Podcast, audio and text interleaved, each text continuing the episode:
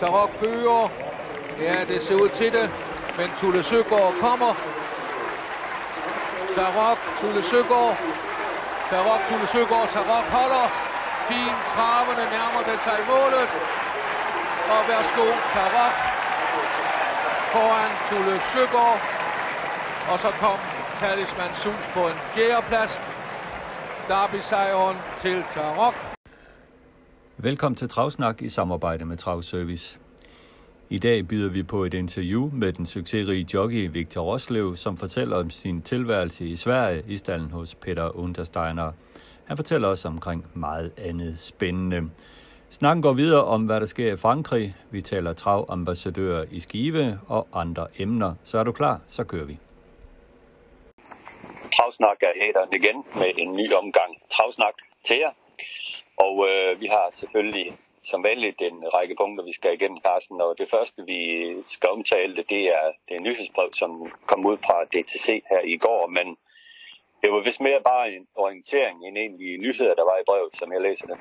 Ja, der er vel ikke øh, så meget nyhed, men altså, jeg vil sige, det er da positivt, at, øh, at det rører på sig, og at man sender noget ud, selvom det måske næsten var lidt øh, opkog fra, fra det forrige. Øh, men det er i hvert fald en status, kan man sige, en statusopdatering. Vi venter stadigvæk på nyt, især om, øh, om øh, de strukturændringer, som man jo planlægger at, at, at få foretaget i øh, Dansk øh, Transport Centralforbund og, og i Dansk Hestevedløb.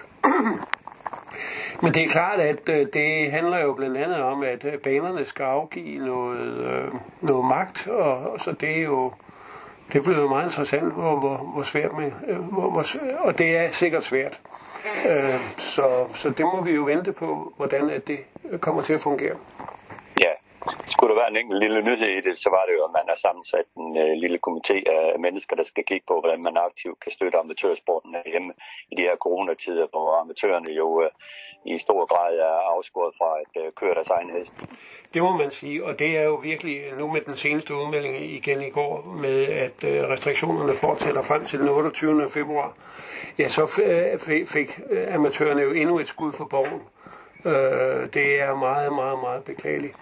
Øh, og, og, og altså, inden for sporten har man jo svært ved at forstå forskellen mellem en amatørkusk og en, en professionel kusk som sådan. Altså, øh, jeg mener, hvis man stadigvæk, øh, du kan komme med din hest, men du må bare ikke, og du må, kan selv varme den op, men du må ikke køre den i løb. Altså, det, det, det virker ikke helt, øh, det virker ikke helt logisk. Men der er, Nej, noget, der er noget andet noget også, som jo øh, i Sverige øh, vil man jo indføre således, at unge under 18 år ikke må køre totalisatorløb. Spørgsmålet er jo, om vi også bliver nødt til at indføre det i Danmark. Og det vil jo være endnu et skud for borgen for amatørsporten. Jamen det, det risikerer man jo, fordi uh, herhjemme er det jo til, at når man er 16 år, så kan man jo køre de, de store hestes løb, så det vil jo komme til at ramme nogen, hvis man også indfører den samme begrænsning her i Danmark. Ja. Men, men omkring corona, der er jo mange sådan faktiske ting, man kan, man kan pege fingre og sige, at man synes, det er forkert og så videre. Men øh, kendskærmen er jo bare, at øh, det er kun professionelle, der må, må køre i løbende. Og jeg tænker da også i de her tider, hvor der er meget frost i luften og så videre, jamen, øh, og amatører, der ikke selv kan køre deres hest, i, på sigt kommer det jo nok også til at betyde, at vi kan måske komme til at mangle nogle uh, spillebrikker i løbende, fordi at man, uh, man simpelthen ikke uh, overgår at uh, holde dem i gang. Jeg synes allerede, at det, det er lidt tydeligt. Det er jo ikke fordi, at hestene vælter over hinanden op i Skive morgen aften lørdag. Nej, men der ser man jo så fyldte felter om mandagen i Aalborgs uh, lønsløb, så der tager de jo sådan en hel masse spillebrikker, så der er jo en vis antal heste at slås om, og øh, i de her løbsdage, der er lige nu, der er det jo altså Aalborg, der har trukket opmærksomheden, hvor, hvor skiveheste lørdag aften, i skivebanen lørdag aften, der har jo trukket 19, fordi der er jo flere felter, kun med en 7 heste til start. Men det er jo sådan, det er lige nu. Ja, det er sådan, det er blevet. Altså i gamle dage, der kunne være banen jo øh, køre løb året rundt. Ja, og det, det, det går simpelthen ikke øh, længere. Ja. Men der er mange faktorer i spil lige nu omkring det her med, med startvilligheden på hesten, og det er der slet ingen tvivl om. Det næste punkt det er jo, øh, vi skal tale Petit Cornelier, de franske løb. Der sker mange ting i Frankrig i øjeblikket, og i søndag så vi jo et uh, forrygende Petit Cornelier det største Monteløb i verden, Carsten. Det blev jo som ventet et virkelig hårdt løb. Det blev det, og nu var banen jo også øh, opblødt, så, så det var jo et meget krævende løb. og og, og øh, vi fik jo et, øh, hvad skal vi sige, dramatisk opløb, fordi øh, der var to heste, der, der kæmpede, og, og en var gået frem og havde overtaget, men øh, så kom øh, Bayer Casno jo igen øh, med, med Tør Brivard i, i sadlen og, og vandt, og det var jo første gang, hun var ude i et, i et Montelløb siden 2017, øh, men alligevel så kunne hun øh, mestre den disciplin øh, til fuldkommenhed, og, og vandt jo faktisk en sikker sejr. Ja, det var, det var virkelig øh, spændende og dramatisk rundt sidste sving, for som jeg læste løbet, så havde hun lidt problemer i sidste sving, hvor hun løb lidt skævt med hovedet og brækkede lidt ned i banen. Og Mathieu Abrevard, ja, han styrede hende bare rundt, så trak han den norske ind på lige bane. Og så trak hun jo så bare forbi til, til sejr. Jeg synes, det var jo... Hesten var fantastisk, men øh, rytteren var også helt fantastisk. Og vi snakkede også lidt om det her sidste gang med de her af privatfamilien. Det er, det er lidt nogle konger, også i Montesporten. Det var jo Mathieu, har bevaret øh, femte sejr, og Alexander, hans bror, har, har vundet... Ja, det er sådan tre... fætter. Det er sådan fætter. Ja, ja, ja. ja. Det er, har, vundet, har vundet tre gange, ikke? så inden for den der familie, så er de uh, rigtig dygtige til Monte. De er meget dygtige, og Mathieu er jo dygtig. Altså, han har jo, han vandt jo første gang øh, øh, Cornelier, tror jeg, i 2003 på Jacques de Belouier, så vandt han det tre år i træk med den, og så har han så vundet med en egen træner, øh, Bellissima France, øh, i 2017, tror jeg det var. Ja. Så øh, jo, han er, han er en af de rigtig, rigtig gode. Omkring hoppen Bahia Casno, så er hun jo en ældre hoppe, som trænes af Junior Goelpa. Jeg har jo set øh, det her med den der spejleorden i Frankrig. Der melder han samtlige sine heste med rød smile uanset hvem det er og hvilken chance de har. Så det ser ikke ud som om han, han synes, det er særlig øh, godt det her med smile i ordningen. Nej, det tror jeg, det er nok. Men det er sjovt, de fleste er efterhånden gået over til at, øh, at melde med, øh, med en, en gul smiley. Altså man kan jo vælge mellem grøn, gul eller rød. Og, og der har de fleste altså nu, de sætter en, en, en, en gul smiley. Jeg tror faktisk, ja. hvad hedder det, til, til i, øh, i, i Prix øh, på søndag. Der var, der var en med en grøn smiley, men den, øh, den kom altså ikke med, fordi den havde ikke tjent penge, penge nok. ja, det er jo, altså, jo, der er en med en grøn smiley. Og det er Diable de Vauvert. det var hesten, der vandt det første Britannia. Den har en grøn smiley. Og det har Vivid Vice As også med Alexander Gocciadoro. Og det har FaceTime Bourbon med Bjørn Gup også. Så der er faktisk tre grønne smiley'er, og Berja, øh, det kan nu, hun står igen med en rød, ja. ja, præcis. Så Basia, han melder samtlige sine heste med gul smile, ja, ja. uanset chance. Ja, ja. Så, men omkring Bahia Casno, så kender vi hun, kender vi hende jo de her brede grader, øh, som starter i Elitlop og Olympiatravet. Det, der er interessant, det er, at hendes far, Skibion du Gauthier, selv var en fantastisk fin montehest, og i udpræget grad en montehester, selv var især tog sine store sejre som unghest, der var tredje Cornelier, så øh, helt fremme for Monteblod i årene har, er hun i, i hvert fald øh, ikke. Han, han var jo en uh, Gudsmelvud, eller han er en Gudsmelvudsøn, øh, og øh, han har faktisk avlet godt. Det er som om, at hopperne har været bedst efter ham, og det er hun jo så et, øh, et godt eksempel på. Hun har tjent 1,4 millioner forløbig og er med i, i Prix d'Amérique. Ja, hvor hun selv kører sig af sin træner Junior Guelpa. Ja.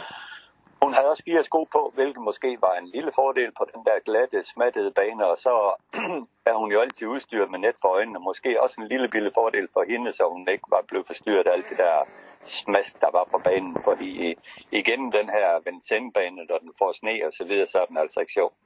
Øh, men det er jo heldigvis meget sjældent, men nu, men nu har vi så set øh, et, et par gange her inden for de sidste, sidste par uger, hvor det faktisk har været rigtig øh, vemmeligt. Ja. Ja, og vi så jo også startvognen snurre rundt. Ja. Meget dramatisk. Ja. Det fører et, et, et uheld, som fandt vej til Ekstrabladets øh, øh, website. Øh, som altid, når der sker lidt dramatik på, på løbet rundt omkring i verden, så, så skal de nok øh, skrive om det. Ja, men det var noget, der skete for år tilbage, ikke? Nej, men det er også det her startvognsuheld, der var her i... Nå ja, startvognsuheldet. Nå ja. Ja. Ja, ja. Ja. ja. Men når jeg tænker på nu med Bayer de Casno, uh, Junior Guelpa, han i sin første start i, i Præcis. Nogensinde, der, der endte han jo på jorden. ja, det, er ikke engang, det kan jeg faktisk godt huske. ja. Ja. Nej, startvognsuheld her var startvognen snurret rundt på den her dårlige bane. Ja. Ja. Det, øh, det var meget dramatisk. ja, det var det.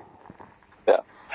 Men ellers øh, var det jo også et positiv øh, dansk øh, sejr her i weekenden med Empire, der var tilbage igen efter pause og i fuld flor. Ja, man må sige, det var virkelig dejligt at se Empire. Thomas Malmqvist lå lidt lavt øh, i chancevurderingen på forhånd, men det havde han nu ikke haft noget at gøre, fordi øh, Empire, han, øh, han, øh, han, han var tilbage som, som bedst. Det var, det var en fin præstation. Løbet blev jo, øh, banen var jo heller ikke øh, specielt god her, som vi har snakket om, øh, og øh, tempoet var ikke så, så voldsomt undervejs, men han sluttede jo alligevel af med en 10-tid de sidste øh, 500 meter, og, og 11 tror jeg, han gik de, de sidste 1000 meter, og, og vinder sikkert i, i 15-6 på 2700 meter, og har sådan en rimelig god hest bag sig. Så, så det, var, det var en meget, meget positiv øh, præstation, og nu bliver det spændende at se ham øh, nu her på, på søndag, hvor han jo starter igen. 2100 meter, anden startrække, og det er jo nogle af de bedste... Øh, Øh, Atos Kronos er jo blandt andet med øh, i, ja. Ja. i det her. Ja, det er et voldsomt fint startfelt der på, Ja. på søndag. Også Granada med i det løb, også med bagspor. Ja. Og Ja, Nykrus. Solvej Sass var jo ude i det der løb med Empire her i søndags, men hun, øh, det lød som om hun manglede tjek. Hun løb, slog, gik lige ned med hovedet, og så rullede hun over galop.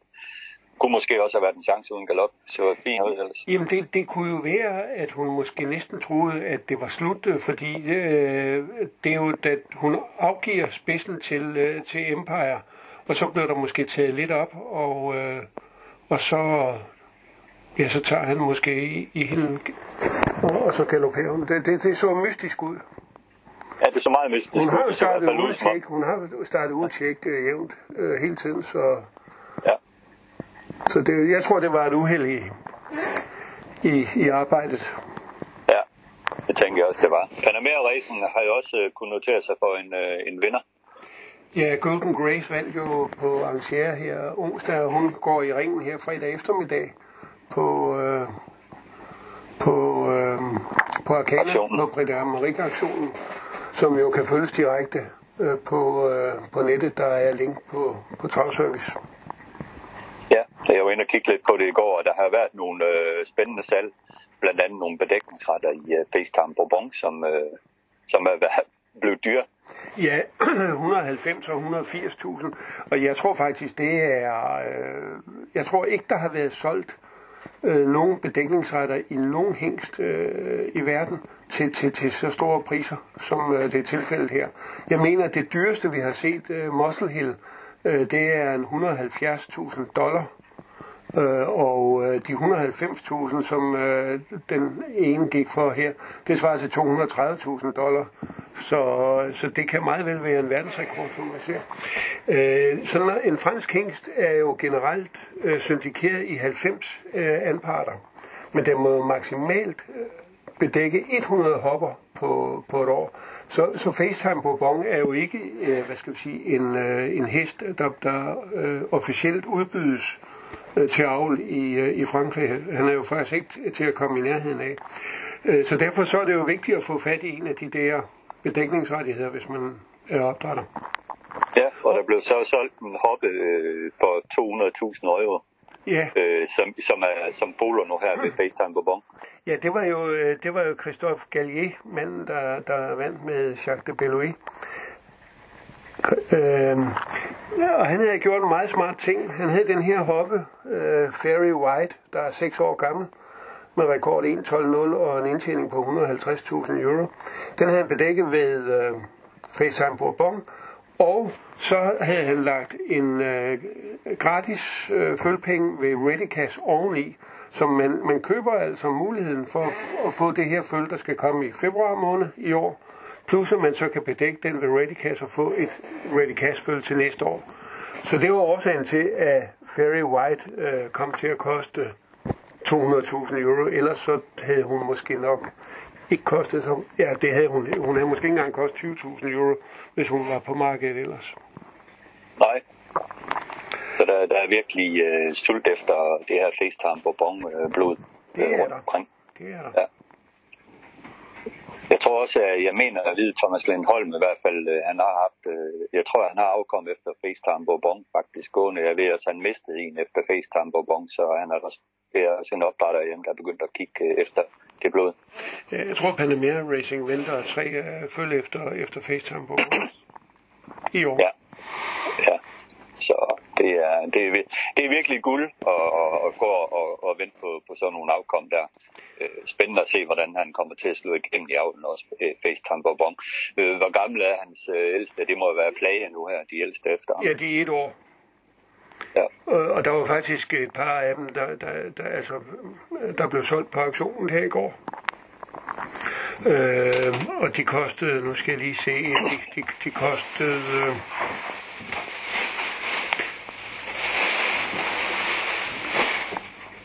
Ved du om den her aktion, der er, er der nogen, der, der er nogen til stede, der byder, men er der også øh, mulighed for, for online øh, køb på aktionen? Det er jeg faktisk ikke bekendt med, men øh, i Frankrig har man jo et system med øh, agenter. Så, så du kan jo altid komme til at købe gennem en agent, som så repræsenterer dig på, på, på auktionen. Okay. Okay. Øh, og, og det så vi jo så også, øh, at øh, det primært var agenter, der, der handlede der i går. Ja. ja. Der var jo, jo et øh, afkom efter svenske William på, på auktion. Og, og et af dem købte, købte Timo Normus, som jo ejede, ejer William. Den gav den han 17.000 euro for.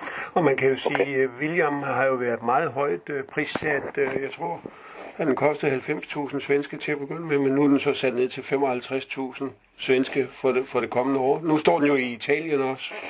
Så Ja.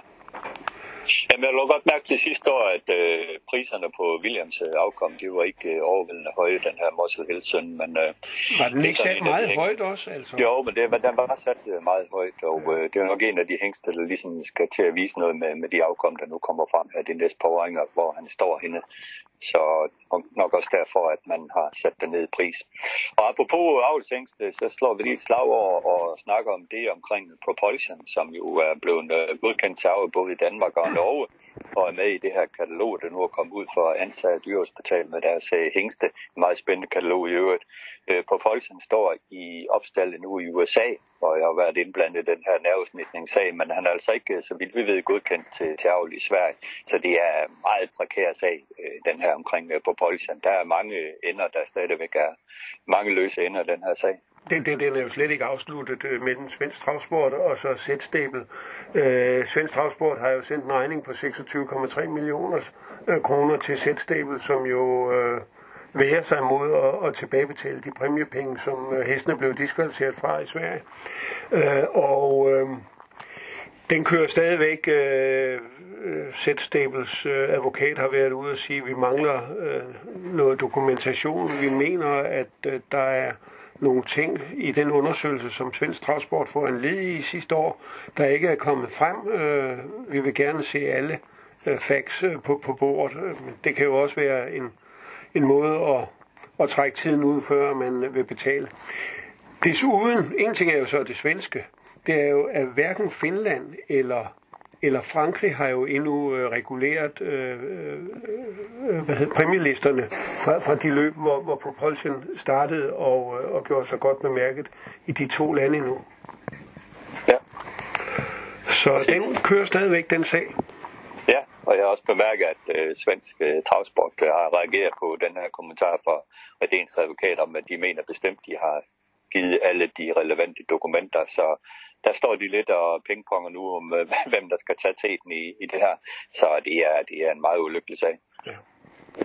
Men i hvert fald kan vi da konstatere, at Propulsion, der er jo frit frem for at bruge ham som hængst i, i Sverige eller i Danmark og i, i Norge og andre europæiske lande.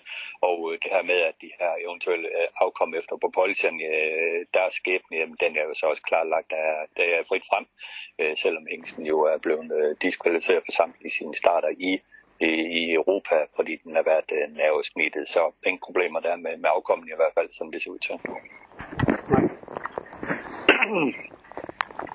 Hvis vi lige bliver lidt i Sverige lige rundt en sag, der, der gælder en dansk træner, så er det jo Troels Andersen, der er træner i Sverige. Hans øh, Picasso blev taget for, for doping, koffein doping i marts øh, her sidste år, og nu er det jo egentlig faldet en dom, øh, hvor han er blevet øh, tilkendt en dom på 10.000 kroner for sit uh, træneransvar for hesten. Man har ikke umiddelbart kunne fastlægge, hvad der er sket, men Troels Andersen har selv en teori om, at den gæsteboks, hvor hesten stod i, ligger ved siden af et uh, rum, hvor man drikker kaffe, hvor amatørtræneren drikker kaffe, og han, uh, der er måske en lille mistanke om, at den og den vej kunne være kontamineret med, kontamineret med uh, koffein.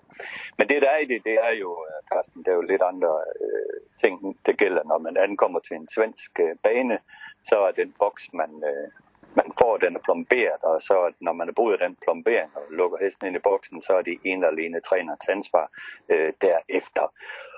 Og øh, det er jo så også derfor, at han har fået den her bøde på 10.000 kroner for sit øh, træneransvar. Det er i hvert fald det, der fremgår af det fremlagte. Så der er jo lidt anderledes øh, forskel på det i Sverige med boksen og så herhjemme.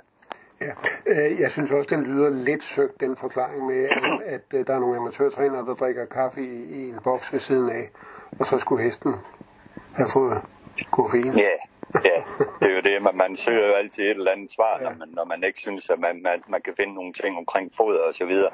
Og det er jo nok også derfor, at øh, vi skal helt frem til her øh, snart februar 2021 for at få fået en domsfældelse for en sag, der startede i marts 2020.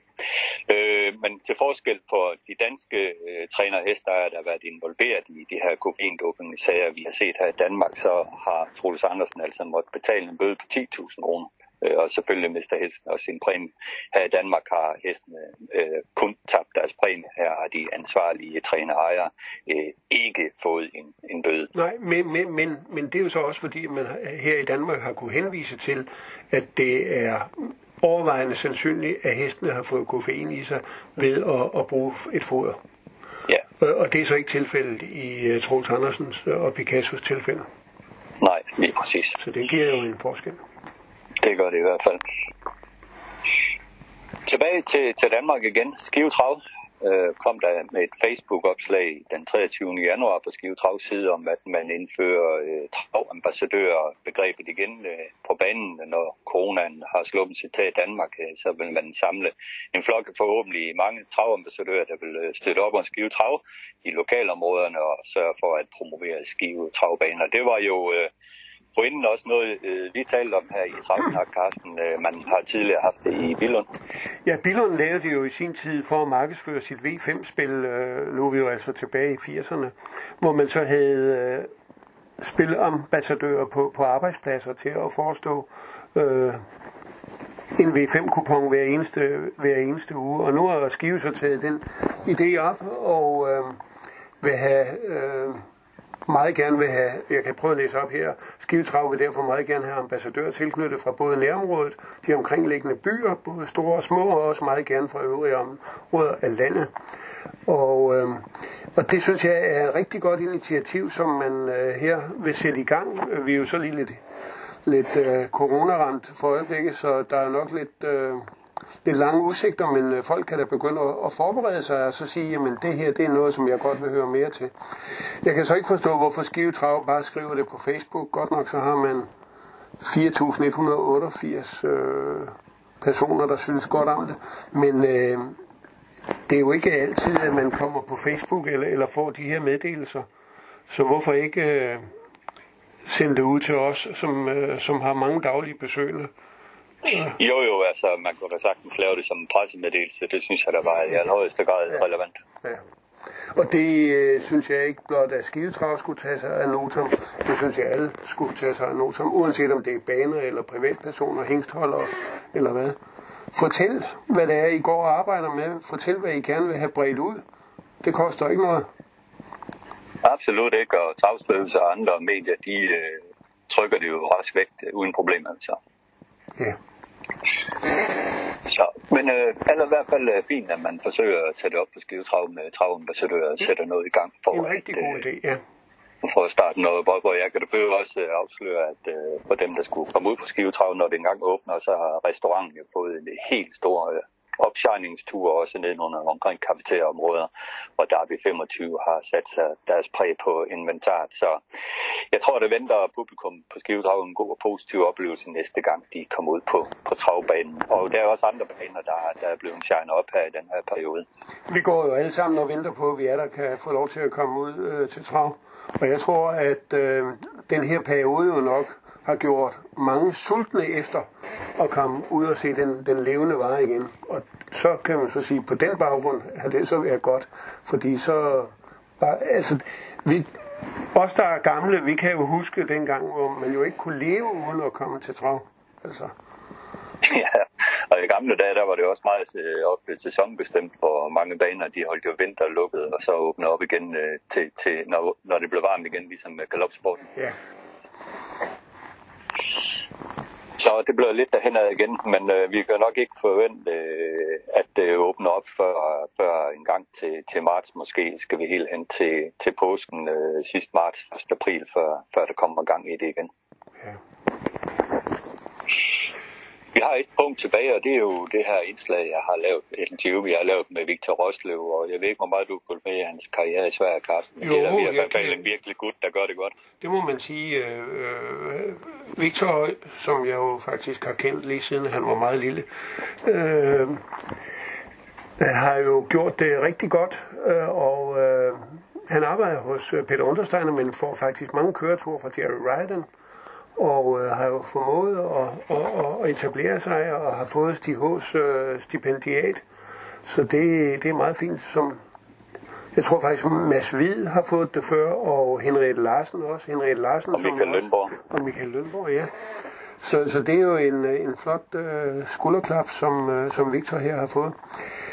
Øh, men inden vi hører det, skal vi jo lige huske at gøre opmærksom på, at vi jo kommer med en ekstra udgave af, af Travsnak i forbindelse med, med Britta Amarik i morgen. Det gør vi da i hvert fald, og øh, jeg har jo lavet et interview med Kirsi Manninen, som er standmand hos Jean-Michel Basir. Hun øh, fortæller om, øh, selvfølgelig lidt om Jean de Pong, men i særdeleshed også om Valokai Henry, som hun passer CD, og lidt andre sjove ting fra Basirstallen, og så har jeg lavet et interview med førstmanden hos Robert Berg, Dwight Peters, øh, som øh, fortæller om øh, sin tid øh, hos Robert Berg, om, om power og træning hos Robert Berg og andre spændende ting. Så. Og Carsten, så vil vi jo øh, ja, gå igennem alt omkring øh, Pretty Amerik øh, øh, søndagen og komme med vores beduser omkring de danske chancer osv. Victor Roslev er til daglig jockey i stallen hos Peter Untersteiner på Halmstadbanen i Sverige. Han havde sidste år et uforligneligt godt år med masser af sejre, masser af penge indkørt, og til slut mundede det så ud i, at han fik øh, tildelt Stig H. Johansson stipendiatet. I dette interview fortæller Victor om sin travsportsinteresse, hvem der lærte ham gamet og livet lige nu. Velkommen til podcasten Travsnak, Victor Roslev. Tusind tak. 24 sejre sidste år indkørt. 2.559.950 kroner, 11 sejre på Åby, champ på Åby, ungdom SM med Echelon. Kun fem kusk i Danmark kan køre mere ind end dig, og så et stipendiat. Sikkert år, du havde sidste år. Ja, det var fantastisk. Øh, Jeg var så heldig at få så fin chance og, og få fine heste at køre, og så gør det, det er lidt let at levere os. Ja, det er jo det. Succes, det er afløbet succes. Ja, det er rigtigt. Øh, øh, Jeg startede ud med at fik chancen hos Jerry tidligt og vandt en tre første løb for ham, og han fortsatte lige at hjælpe mig og give mig nogle heste. Og så er det bare udviklet sig til at få lov til at køre for flere også, og så er det bare blevet mere og mere, og så øh, har jeg gamblet på og forsøgt at levere mit bedste. Så øh, nej, det har, det har gået godt, og det er selvfølgelig glad og stolt for. Ja, det kan jeg da godt forstå. Det er et fremragende stykke arbejde, du har lavet. Så... Men hvordan kom du egentlig selv i gang med, med travsporten? Jo, jeg er født ind i det. Min, øh, igen, min familie, min morfar, Valder Kaiser, han øh, er en del af familien også, så nej, så ja, det ligger i blodet. så du har været med i barnevognen på travbanen? Ja, ja, det har jeg. Min mor, hun har altid haft hest, og siden, ja, jeg har været med hende altid, og vi har været hos nogle forskellige træner, og jeg har været forsøgt at hjælpe til, inden jeg rejste til Sverige, og inden var jeg hos Axel, og køre en masse hurtige arbejder. Han har hjulpet mig meget med at bygge mig op og forklare mig, hvordan jeg skal gøre, og, og det, så ej, jeg har prøvet at tage så meget til mig, jeg kunne. Så det er Axel Jacobsen, der ligesom har givet dig din uh, grundviden? Ja, det vil jeg mene. Han, uh, han ligesom der i starten af, han har begyndt at forsøge at lære mig nogle ting, og ligesom taget sig tid til mig, og øh, det er ikke helt enkelt tingene at køre og lære og klokke og alt det her, så ej, han har taget sig god tid og tålmodighed, så jeg var ikke øh, nogen superstjerne og begyndte, så nej, men det gør mig at lære sig. Ja, men mange gange så handler det jo også om bare at være ihærdig nok, så skal man jo nok øh, lære det til slut, tænker jeg. Ja, jeg forsøgte bare at kæmpe på og forsøge hele tiden at spørge ind til øh, alt. Øh, der var i Franke her øh, sidste vinter, snakkede med Bjørn Guber, han, han mente, at, øh, eller han sagde nogle råd til mig, blandt andet, og han sagde, det var, at man skal hele tiden være på, hele tiden forsøge at lære så meget, man kan, og så skal det, det hele nok gå. Absolut. Absolut. Det er jo det, er jo det, det handler om. Øh, det er sjovt, du nævner Valder Kaiser, ham har jeg jo snakket med øh, for mange år siden. Øh, det var en hyggelig mand. Hvad, hvad husker du om ham? Jeg husker ikke så meget. Jeg, jeg er ikke så gammel, men øh, jeg har fået fortalt mange historier om ham, og øh, det er selvfølgelig sjovt, og jeg vil også ønske, at han øh, levede nu i, i dag, og, men øh, det gør han desværre ikke, men sådan er det. Ja, han var jo en kejser dengang. Han var stor træner på Lund. Det ved du selvfølgelig alt om uh, Mine ja, Vell og ja, Gerard ja. og alle hans ja, ja. stjerneheste. Ja. Ej, det, det, han havde en fantastisk karriere, så det var stort. Ja, og det er da fint, at du følger op på det i familien og arbejder med sporten. Men hvad er det, som øh, fascinerer dig ved travsporten? Jo, det fascinerer, det er jo det er selvfølgelig hesten. Øh, gå og arbejde med dem hver dag og se, hvordan de udvikles, og de lærer, de lærer mig en masse, og, og det, om man skal ligesom, jo, passe hver dag, det er jo et stort ansvar, man har. Ikke bare det også øh, køre løb med dem, og det, det er jo det er en stor kraft og speed og alt det, som, som gør det fascinerende. Det er jo, det, ej, det, det er sjovt. Ja, og det er jo det, der, det er jo det, der gør, at man gider stoppe uh, tidligt hver dag og gå sent i seng og arbejde næsten ja, det, hver dag med det.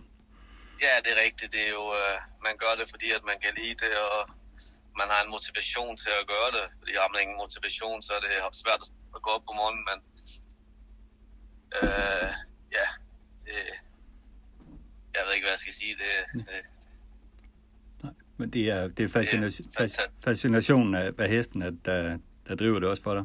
Ja, præcis. Jo. De giver en masse tilbage til os. Jo. Øh, de, øh, de er altid glade, hesten, og altid øh, positive. Og der er aldrig nogen problemer med, det, med dem selvfølgelig, jo, hvis der er noget galt med dem. Men de er altid, de er altid, man kan altid køre ud en tur med en hest, og så har man det godt. Så ej, det, det, det, det er det bedste, jeg ved, det er at køre en hest. Ja, det kan jeg da godt forstå. Hvilke heste har egentlig betydet mest, mest for dig? Det er svært at sige. Der er mange, mange heste, som betyder, at jeg, dem jeg arbejder med i hverdagen, betyder meget, fordi jeg lærer en masse af dem jo. Øh, og øh, jeg ved, jeg tænker på, tænker du mere på i løbet, eller hvordan?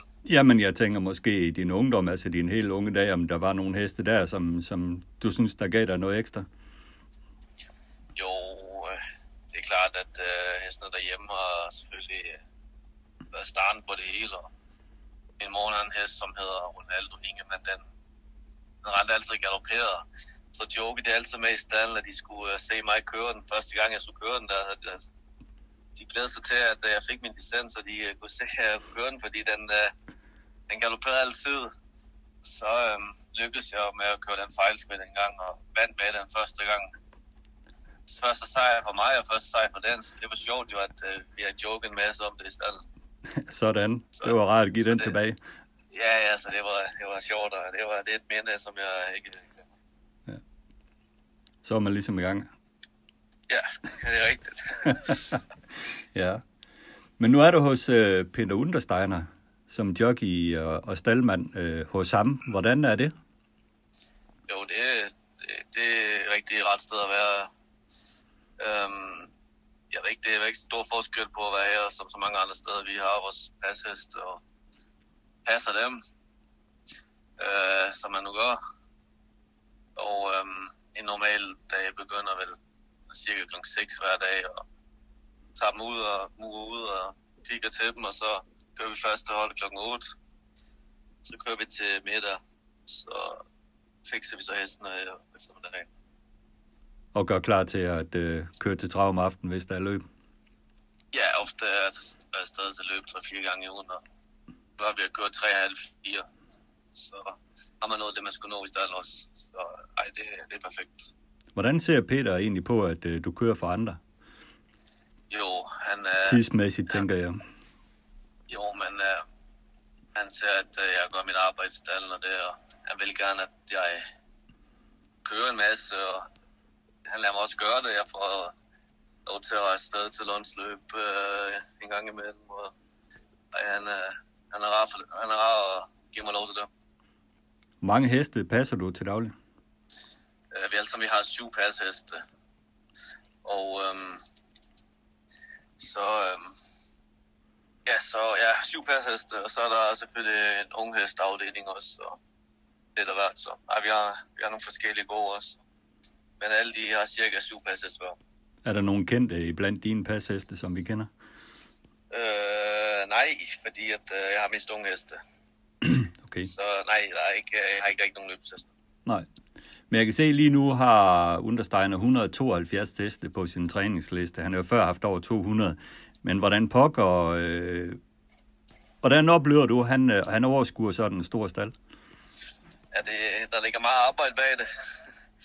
Uh, det er utrolig meget organisation, og uh, han har ikke nogen første mand. Han, han vil gerne selv stå for alt og have kontrol på alting, så det er klart, det, det er meget arbejde, men uh, han forsøger at have kontakt med os ansatte hele tiden, og have en dialog, hvordan vi skal gå med hesten, og han er i stallen til sten om aftenen, og ej, jeg synes, han har godt styr på det hele. Så selvom det er 172 heste plus unge heste og så videre, så, så føler du, at han har, han har kontrol? Ja, det synes jeg. Det er ofte, uh, så um, for eksempel, uh, vi har et eksempel her, når, når han hester skal til løb, og vi har sat vognen i, i top, og han, uh, han føler, at uh, når han kører ud, ud fra stallen, at det ikke er helt 100, så siger han til os, for eksempel, at den plejer at gå i nummer to. Ja. Så det, det, det, har han, det har han gjort nogle gange, så det er meget sjovt, at han, han, han husker virkelig de her små uh, ting, som små detaljer, som er vigtige. Uh, han er perfektionist. Ja. Ej, så det, han har, jeg synes, han har styr på det meste. Ja. Jo, men uh, resultaterne, de taler også for sig selv. Altså, han er jo bare en dygtig træner. Ja, fantastisk. Fantastisk dygtig. Og han så mange heste i træning, det er stort jo. Det er det i hvert fald. Uh, hvordan lægger I træningen op med løbshesten? Er det uh, intervaltræning, som vi ellers øh, kender det normalt? Ja, altså vi har jo forskellige, forskellige træningsoplæg. Vi har nogle af hestene på banen her. Der er en blanding af unge hesten og løbshesten. Og løbshestene, vi går på de går to gange i ugen. Sandbanen, eller så går de på livebanen eller lidt bakketræning. Og øhm, dem, som er ude på Holmen, går ude ved Holmen, de, øh, de går bare i bakken her to gange i ugen. Det er, det er Kari Lille Koppis gamle gård. Okay. Hvor at, øh, Peter og Jon har deres hest også. Ja. Så øh, vi, vi har lidt forskellige øh, muligheder at kan gøre på, hvis nu at øh, en hest behøver lidt miljøbytte og det, så kan vi øh, flytte den til en anden gård og se om det hjælper. Ja, men det gør det jo tit og ofte. Miljøskifte er jo, er jo, sjældent, er jo sjældent noget dårligt at gøre med en hest. Ja, det er rigtigt. Øh, Der er mange træner, som øh, de har bare en stald jo, og øh, det er selvfølgelig en fordel her, at man kan gøre det, fordi at ofte ser vi jo, at heste som flytter træner, og så lige pludselig så lever de op igen. Jo. Og det, den fordel har vi jo her, at de kan flytte til en gård. Men, Ja. ja, det, ja. Jamen, det, det lyder meget fornuftigt det hele, og den her omvækstende træning her er jo også ret vigtig for heste, så det ikke kører sur i det. Ja, det er rigtigt, det er rigtigt. Man er nødt til at variere lidt, og vi forsøger hele tiden at gøre det bedste, hvad vi kan, og fungerer det ene, så ikke, så prøver vi noget andet. Og Ja, det, sådan er det vel også hos alle andre, men så vi prøver lidt på vores koncept, så, ja. øh, så, det, så prøver vi, om det, om det kan fungere. Du nævnte tidligere Jerry Riordan, øh, en træner, som du kører meget for. Øh, hvordan øh, kom det samarbejde i stand? Jo, øh, det kom så, at, øh, at han, øh, han er jo, han vil jo gerne øh, give unge chancen og forsøge at løfte dem, og jeg fik en chance engang og vandt med den, og øh, Jusuf Kroner så og øh, så fik jeg lov til at øh, køre en anden, som hedder Simax, så den vandt jeg så med to gange i træk, og så så han, øh, jeg, han så vel noget lys i mig og forsøgte at give mig flere chancer, så nej, det, det har været fantastisk, at jeg har fået de her fine chancer for ham. Ja, og jeg har, jeg har jo interviewet ham et par gange, Jerry. Han er jo en fantastisk øh, jovial mand at tale med og så videre. Meget hyggelig fyr. Ja, fantastisk mand. Han, øh, han, øh, han er rar og, og god til at snakke, så ja, det, det er perfekt. Det er det da i hvert fald. Og en hest som Echelon har da givet dig store oplevelser også. Ja, absolut. Den, øh, den er, jeg har vundet VSU 5 løb ungdomshest som her sidste år, og vundet to V86 løb, så det, var, det stort i sig selv. Og, ej, det, det, det er en hest, som godt kan lide OB og Strat, så det, det er sjovt. det er det da i hvert fald. Og så er det jo bare et spørgsmål om tid, før du kommer til at køre 60 kroner, eller hvad? ja, det, det, jeg, det er ikke lige noget, jeg går og tænker så meget over. Jeg, Nej. jeg, øh, jeg, jeg tager det, jeg kan, og det er Ja. klart, at øh, få lov til at køre heste i den kaliber, det, det kræver mange års arbejde og mange års flid, og det er jo ikke noget, man bare lige får. Men Nej. Jeg får også mange andre rigtig fine heste, så det er jeg meget, meget tilfreds med. Øh, og så har du jo fået det her Stig H-stipendiat øh, i år sammen med Dwight Peters og Kim øh, Moberg. Øh, hvor stort er det for dig? Jo, det er rigtig stort. Øh, Jeg var utrolig stolt og taknemmelig, da Steven ringede og, og sagde det her til mig. Og det er jo noget, man øh, går og arbejder for hver eneste dag, at man kan, kan få sådan nogle ting som det her. Og jeg ved, hvor svært det er at få det. Øh, så nej, det er noget, jeg er utrolig taknemmelig for. Ja, det må man sige, og der er du jo på linje så med, med tre andre danskere, Michael Lønborg og Mads Hvid, som jo begge siden er blevet træner, og så Henriette Larsen, øh, som du er kollega med, så øh, det er jo prominente navne, må man sige, plus øh, Reden og Johan Understeiner og så videre, som har fået det stipendiat. Det er, det er ikke alderen værd, der får det. Nej, det, øh, det er nogle store profiler, så øh, jeg må forsøge at arbejde mig op på, så jeg kan blive øh, mindst lige så god som dem. Men, øh, det, det, ja, det, den her stipendie, det er jo en del af min udvikling, og jeg kommer at lære en masse. Det er jo ikke bare et uh, stipendie, hvor jeg kommer ud og rejse. Han har ændret på det lidt. Stiv, så Ja, der følger jo ligesom med noget det. slags øh, kursus med, kan jeg se, øh, med forskellige ting, man øh, kommer til. ja, absolut. Øh, øh, han vil jo gerne, at vi øh, kommer ud og lærer en masse, og det, det var over et år, og så to da- var det over nogle, nogle dage per gang, og vi kom ud og ser en masse ting, og kom ud blandt andet med nogle sportspsykologer og nogle økonomi og alt muligt forskelligt, så øh, det, det er noget, jeg ser frem imod. Det kan jeg godt forstå, det bliver rigtig spændende. Har du ellers øh, andre sådan fremtidsplaner lige nu her, eller er det Peter Understeiner, det gælder lige i forløbet? Øh, Ja, lige nu er det sådan, og jeg forsøger, jeg tager en der i gang og kæmper på, og så forsøger jeg at fortsætte i samme stime. Går du rundt med en træner i maven? Øh, det er vel svært at sige, jeg har præcis begyndt min, karriere, og jeg har masser at lære endnu. Og, øh, det er klart, at øh, på et tidspunkt vil man gerne noget i den stil, øh, men øh, det er noget, der ligger langt ude i fremtiden lige nu. Det, det er svært at sige. Man er jo nødt til at lære mig en masse mere, inden jeg tager dem slut. Ja, selvfølgelig. Det er jo fint at have den der en god ydmyg holdning til det.